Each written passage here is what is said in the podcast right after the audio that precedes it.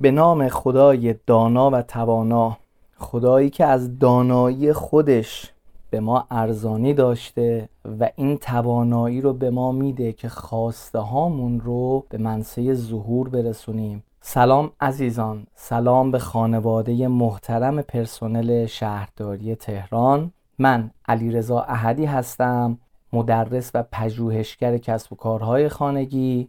کوچ و منتور کسب و کارهای خرد شخصی نویسنده کتاب خودآموز راه اندازی و مدیریت کسب و کار خانگی. در حوزه کسب و کارهای خرد و خانگی به عنوان کارشناس و مجری فعالیت می‌کردم. ارزم به حضور شما که قرار شده در قالب یک سری پادکست من به شما یاد بدم که چجوری یک کسب و کار خانگی رو طراحی کنین راه اندازی کنین و اون رو توسعه بدین و به درآمد های پایدار و ارزشمند برسونین. یعنی یکی از خوبی های کسب و کارهای خانگی اینه که درآمداش به چشم نمیاد. شما مالیات هم نمیدین و به راحتی می‌تونین تو خونه خودتون کسب درآمد کنین و زندگیتون رو بهبود بدین از نظر معیشتی. بریم سراغ محتوای اصلی پادکست. با این موضوع شروع می‌کنیم که چرا ما باید یک منبع درآمد ثانویه داشته باشیم. طبیعتا در کشورهایی که اقتصاد باثباتی دارن منبع درآمد ثانویه چیزی جز مالیات بیشتر برای افراد به دنبال نداره.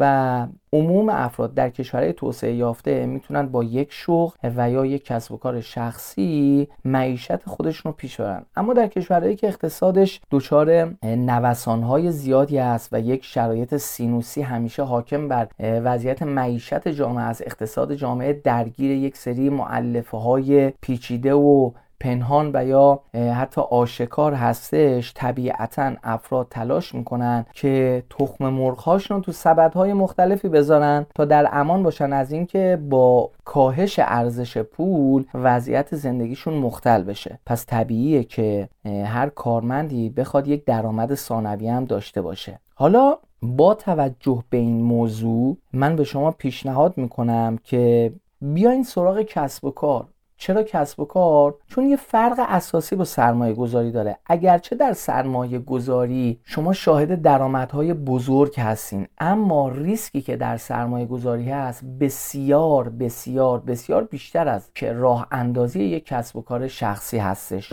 شما در سرمایه گذاری باید این احتمال رو همیشه بدی که تمام سرمایت از بین بره مثل سرمایه گذاری روی بورس یا ارزهای دیجیتال یا فارکس و غیره. اما در کسب و کار شما با رعایت یک سری اصول ساده و نه پیچیده مثل سرمایه گذاری که نیاز به سیگنال های قوی و صحیح باشه و شما اعتماد کنید به فردی سیگنال بگیرید و متاسفانه اون سیگنال اشتباه باشه شما در کسب و کار می‌تونید با رعایت یک سری قوانین ساده کسب و کارتون رو گام به گام و پله به پله رشد بدین بزرگش کنید و از یک کسب و کار خانگی تبدیل کنین به یک کسب و کار بزرگ و یا حتی صنعتی کما اینکه بسیاری از افرادی که الان business های بزرگ دارن از کسب و کار خونگی شروع کردن. مثال ساده براتون می‌زنم خاور خانم. شاید خیلیاتون رفته باشین به سفری در سرولات چابکسر. رستورانی هست اونجا که ابتدا غذای خانگی بوده به اسم خاور خانم ولی الان یک business بزرگ با 50 تا پرسنل و درآمدهای چند ده میلیونی در روز.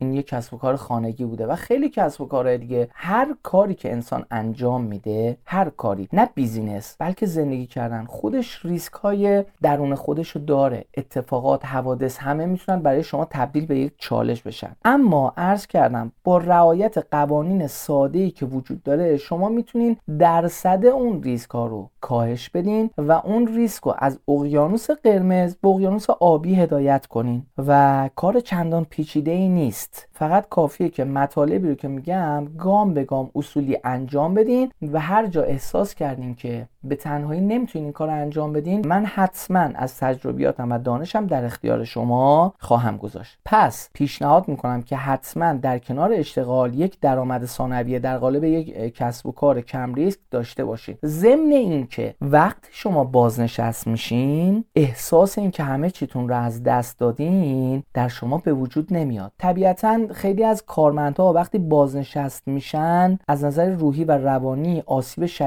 شدیدی می می‌بینن چون که از دوستانشون دور میشن از فضایی که روان اونا. به یک مقدار تنش و چالش. حالا بهتره بگم چالش. عادت کرده رها میشه و این بدون چالش بودن زندگی رو براشون بیمفهوم می‌کنه. به خاطر همین هستش که بعضیا که فقط کار کارمندی می‌کنن وقتی که بازنشسته میشن به شدت از نظر روحی آسیب می‌بینن. پس درآمد ثانویه یا راه اندازی یک کسب و کار برای شما فقط جنبه کسب درآمد نداره بلکه روح و روان شما رو شاداب و زنده نگه میداره و این پیام رو با خودش به همراه داره که شما قطعا یک انسان اثرگذار هستین. حتی اگر بازنشسته باشین. جلوگیری می‌کنه از آلزایمر جلوگیری می‌کنه از افسردگی بازنشستگی جلوگیری می‌کنه از پوچ شدن تفکر که آقا من دیگه هیچ ارزشی ندارم برای شما اثرگذار نیستم. اون اثرگذاریه اون بخشای بالایی یعنی خودشکوفایی در هرم مازلو همچنان باید فعال بمونه و برای شما پالس های مثبت ارسال کنه. امیدوارم که با این دوتا دلیل مهم یعنی اهمیت داشتن تخم مرغهایی در های دیگر و فعال بودن مغز و روان حتما تمایل پیدا کنین که یک کسب و کار خانگی راه اندازی کنین. خب گفتم کسب و کار خانگی اول تعریف کسب و کار رو بدونیم که خیلی مهمه چون درک مفاهیم اولیه ما رو در مسیر آگاهی قرار میده. پس باید دقیقا مفهوم کسب و کار رو بدونیم و اینکه بدونیم کسب و کار خانگی با کسب و کار دیگه چه فرقی داره. ببینید ما سه تا مفهوم در وارد کردن پول به زندگیمون داریم. مفهوم اشتغال مفهوم سرمایه گذاری و مفهوم کسب و کار که این ستا با هم فرق دارن. اشتغال یا شغل داشتن یعنی اینکه شما در ازای دریافت یک مبلغ معین یا یک ارزش فرق نمی‌کنه. می‌تونه این ارزش مثلا خاروبار باشه. می‌تونه پرتغال باشه. آقا در ازای این کیلو پرتغال من هر روز این ساعت از وقتم و به کاری که شما به من محول می‌کنین اختصاص میدم. این کاریه که ما بهش میگیم کارمندی یا کارگری فرق نمی‌کنه. پس اشتغال اینه. ما برای یک شخص حقیقی یا حقوقی در بازه زمانی مشخص وظایف رو انجام میدیم که در ازاش هم مبلغی رو دریافت می‌کنیم. پس این شد اشتغال. سرمایه گذاری چیه؟ اینه که ما در یک سری فعالیت های تجاری به عنوان یک منبع مالی سرمایه گذار پولی رو وارد می‌کنیم و بعد از اندکی بر اثر نوسانات اقتصادی در زمان مناسب سودی از اون پول به زندگی ما وارد میشه. مثل خرید و فروش املاک یا خرید و فروش سکه یا خرید و فروش دلار یا خرید و فروش ارز دیجیتال یا ارزم به حضور شما خب طبیعتا متاورس و NFT آخرین روش های جدید سرمایه گذاری در دنیا هستن که حالا به دلایلی در کشور ما آنچنان هنوز پررنگ نشدن. خب زیرساختها و بسترهای اینترنتی در کشور ما با مشکلاتی مواجه هستش که خودتون ازش آگاه هستین. اما اینا هم روش های سرمایه گذاری هستن که انجام میشه. و در نهایت کسب و کار. کسب و کار یعنی که بنده یک محصول یک کالا یا خدمتی رو برای یک گروه از افراد مشخص تولید کنم و به دستشون برسونم. این کالا می‌تونه مثلا خشکبار باشه و یا یک خدمت باشه. مثلا خدمات ماساژ خدمات مثلا باغبانی خدمات دکوراسیون منزل. پس شما یا یک خدمتی رو طراحی می‌کنین و عرضه می‌کنین و یا یک محصول و کالایی رو طراحی و تولید می‌کنین. این همیشه مفهوم کسب و کار. اما به چه کسب و کاری میگن؟ کسب و کار خانگی. ببینید کسب و کارها از نظر شکل و گونه های مختلف دسته بندی میشن. مثلا ما میایم کسب و کارها رو بر, بر اساس ابعاد کسب و کار یعنی تعداد پرسنل و میزان سرمایه گذاری دسته بندی می‌کنیم به کسب و کارهای خرد، کوچک، متوسط نیمه صنعتی و صنعتی. که مثلا کسب و کارهای خرد زیر 5 نفر پرسنل دارن کسب و کارهای متوسط تا 15 نفر و 50 نفر پرسنل دارن و به همین ترتیب تا کسب و کار صنعتی که تعداد بیشتری رو دارن. یک دسته بندی هم هستش در نوع اجرای کسب و کار. ما به یک کسب و کاری میگیم کسب و کار خانگی به یک کسب و کاری میگیم کسب و کار صنعتی. و اینا هم شکل خودشون دارن. در کسب و کار خانگی وقتی دو مرحله از سه مرحله اصلی کسب و کار یعنی ببینید ما کسب و کار به سه بخش اصلی تقسیم می‌کنیم. تأمین توزیع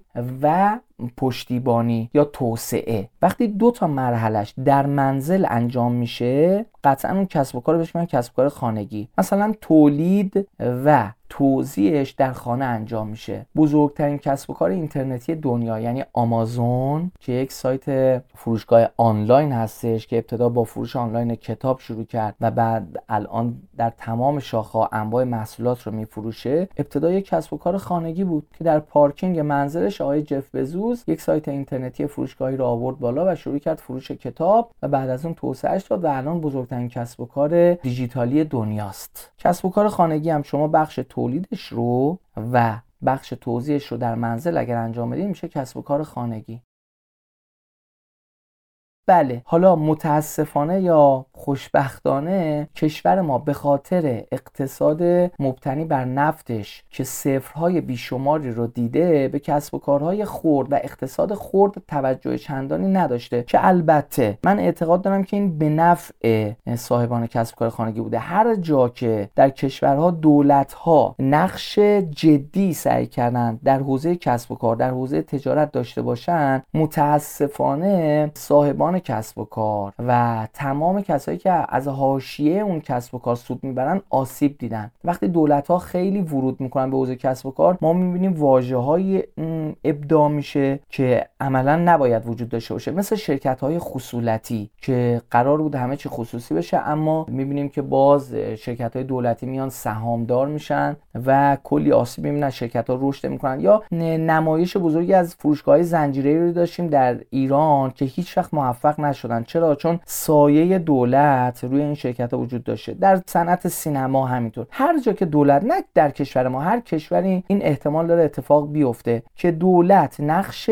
یک رکنی و اساسی در اون حوزه سعی کرده بازی کنه متاسفانه اون کسب و کارها یا اون بخش آسیب دیده. اما خوشبختانه در حوزه کسب کار خانگی فعلا دولت توجهی نداره چون احساس می‌کنه که درآمدهای این حوزه درآمدهای چندانی نیست. اگرچه در این اواخر به خاطر فعالیت های شبکه های اجتماعی مثل اینستاگرام و غیره بلاگرها درآمدهای خیلی زیادی داشتن دولت تلاش کرد که از این افراد به نحو مالیات بگیره و طبیعیه که تلاش کنه که در این حوزه هم قوانین رو بذاره. در حوزه مشاقل خانگی یه سری قوانین حالا جسته گریخته از طرف وزارت کار و تعاون وجود دارد. یعنی شما می‌تونید به این سایت سرچ کنین مشاغل خانگی. سایت مشاغل خانگی وجود داره که مجوز میدن و افراد می‌تونن داخل خانهشون کسب حالا کسب و کار نه در واقع مشاغل خانگی داشته باشن. متاسفانه دولت ما تعریفی از تفاوت کسب و کار خانگی و مشاغل خانگی نداره. مشاغل خانگی یعنی که شما در خانه خود برای یه شخص حقیقی یا حقوقی کاری رو انجام بدین و در ازاش دستمزد دریافت کنین. اما کسب و کار خانگی شما خودت تولید کننده ای. شما خودت خدمات رو طراحی می‌کنی بازاریابی می‌کنی و عرضه می‌کنی. و در این حوزه الحمدلله تا الان اتفاق بدی نیفتاده به خاطر همین توصیه می‌کنم که کسب و کار خانگی رو اندازی کنین و مطمئن باشین که اگر با این فرمولی که تو این حوزه بهتون آموزش میدم به موفقیت می‌رسین. بریم سراغ این که بهتون بگم که یک کسب و کار خانگی چه بخشهایی داره. ببینید عزیز من چه در کسب و کار خانگی و چه در کسب و کارهای متوسط یا صنعتی هر کسب و کار از سه بخش اصلی تشکیل میشه. بخش تأمین یا همون تولید. شما باید یه محصول تولید کنی یا طراحی کنی برای عرضه کردن. پس بخش تأمین بخش توزیع. اینجا همون کاریه که شما بازاریابی می‌کنی. و محصول تو یا خدماتت رو به دست مشتری میرسونی. و بخش توسعه یعنی مدیریت کسب و کار پشتیبانی مشتریان و توسعه و رشد کسب و کارت که کم کم بتونی اون رو درآمداش افزایش بدی سایز کسب و کارت رو بزرگ کنی و به موفقیت های بزرگتری برسی. پس ما قراره در مورد سه بخش تأمین توضیح. و توسعه کسب و کار فرمولا رو در اختیارتون بذاریم تجربه رو در اختیارتون بذاریم دانش رو در اختیارتون بذاریم تا انشالله شما بتونید به راحتی یک کسب و کار خانگی رو راه اندازی کنیم متاسفانه در ایران هنوز شکل قضیه کسب و کارهای خانگی یک مقدار سنتیه. افراد فکر می‌کنن اگر یک مهارتی یا یک سری ظرفیت هایی داشته باشن می‌تونن یه محصولی رو تولید کنن و شروع کنن به آشنا و دوست اینا بفروشن. ولی واقعیت اینه که جوانها و نوجوانان تو این حوزه خیلی رشد کردن و سعی کردن که سلیقه مشتری رو بهبود بدن. دیگه شما با حداقل منابع نمی‌تونی یک کسب و کار موفق رو اندازی کنی. باید منابع تو توسعه بدی. منابع که میگم فقط منظورم پول نیست. حالا در جلسات بعدی خواهم گفت. منابع انسانی منابع مالی منابع تجهیزاتی و فیزیکی و منابع معنوی همون دانشی رو. پس شما باید در سطح بالایی باشین حتی برای راه اندازی کسب کار خانگی تا بتونید به موفقیت های خوبی برسین. موفقیت های خوب هم یعنی درآمدهای پایدار یعنی هر ماه یک درآمد خوبی تکرار شود و ارزشمند باشد. یعنی ماهی دو میلیون سه میلیون چهار میلیون درآمد به درد ما نمی‌خوره. ما باید حداقل حداقل ماهی 20 میلیون سود داشته باشیم. این می‌شود یک درآمد پایدار ارزشمند قرار برای این مدل درآمد ما کسب و کار راه اندازی کنیم. و تا اینجا کار رو امیدوارم که متوجه شده باشین. آخرین نکته هم که می‌خوام بهتون بگم برگردیم به اینکه یک کسب و کار خانگی چجوری راه اندازی می‌شود؟ کسب و کار خانگی بر اساس دو تا مؤلفه وجود داره که می‌تونید شما یکش انتخاب کنید و یا اگر هر دوشو داشته باشین که فبه حل مراد یک بر اساس مهارت های فردیتون و دو بر اساس ظرفیت های موجود. مثال می‌زنم. یک آقایی هست که نجاری بلده. خیلی خوب بلده نجاری کنه. مثلا ظروف چوبی بسازه. یا خانومی هستش که می‌تونه ظروف لعابی درست کنه. ظروف سرامیکی درست کنه. یا کسی هستش که می‌تونه جواهر دوزی کنه. یا کسی هستش که می‌تونه شکلات سازی کنه. کسی هستش که می‌تونه نان بپزه. انواع نون حجی مثلا نون کروسان. اینها مهارته. پس شما یا باید یک مهارتی داشته باشین یا یک ظرفیت رو داشته باشین. مثلا ظرفیت چی؟ مثلا پدر شما برادر شما یا خود شما باغ میوه دارین. باغ آلبالو گیلاس و از اون میوه ها می‌تونین خشکبار لواشک آلوچه و اینجور چیزها رو تولید کنیم اگر در بخش مهارتی بخوایم صحبت کنیم بیش از 300 نوع مهارت هست چه تکنولوژیک چه غیر تکنولوژیک که شما می‌تونین انتخاب کنین برین یک سال روش وقت بذارین یک مهارت رو فرا بگیرین و بیاین با اون یک کسب کاری راه اندازی کنین. آقای احدی سوال. آیا مهارت رو شما توصیه می... توصیه می‌کنین که خیلی زود ما رو به درآمد برسونه؟ ببینید عزیزان من من خیلی راحت بهتون بگم. نرید الان فکر نکنید وقتی صحبت مهارت میشه منظورم مهارت های خیلی پیچیده مثلا برنامه نویسی اندروید دیولپ کردن سایت. نمی‌دونم مهارت های تکنولوژیک خیلی پیچیده. نه خیلی هم دنبال این نباشین. اما آقای عدی آیا باز توصیه دارین؟ ببینید من یه نکته بهتون بگم. مهارت هایی که نوپا هستش خب طبیعتا برای آدما جذابه. اگر توی یک مهارت نوپا شما درجه استادی بگیرین فرزن یکی دو تا دوره در خارج از کشور ببینین توی ایران خیلی راحت می‌تونین از مدل آموزشی درآمدهای خیلی خوبی کسب کنین. پس مهارت های نوپا در بخش آموزش خیلی زود رشد می‌کنن و هر مهارتی رو که شما دارین ببینید در یک جمله ساده بهتون بگم راحتتون کنم. هر مهارتی که داری می‌تونی ازش پول در بیاری. فقط باید اون مهارت دو تا معلفه داشته باشه. یک سطح مهارت دو علاقه شما نسبت به اون مهارت. سطح مهارت یعنی که اگر به صفر که هیچی بلد نبودنه تا ده که دیگه استاد تمامه شما بین هفت تا ده نمره داشته باشین آدم بسیار موفقی خواهید بود در اون حوزه. اما علاقه هم در کنارش خیلی مهمه. بین صفر یعنی بدون علاقه بودن تا ده که در بالاترین شدت علاقه و عشقه شما باید میزان علاقتون پنج به بالا باشه. چرا پنج به بالا؟ به خاطر اینکه اگه زیر پنج باشه شما با چالش اول نه چالش دوم نه چالش سوم بیزنستون رو می‌ذارین کنار. و دیگه تمایلی ندارین کسب و کارتون رو مدیریت کنین. چون نمی‌تونین چالش ها رو حل کنین. این عشقه که چالش ها رو حل می‌کنه. هنری فورد سه بار زندگیشو به خاطر راه اندازی کارخونه خودوسازی باخت. اما باز ادامه داد. چون عشق ایشون رو هدایت می‌کرد. پس مهارتتون رو شناسایی کنین. اگر مهارتی ندارین می‌تونین یک مهارت رو انتخاب کنین. در حوزه تکنولوژیک مثل برنامه نویسی سئو که بالا اینا خیلی پول سازن و کار پیچیده ای هم نیستش. شما می‌تونین اینجوری شروع کنین.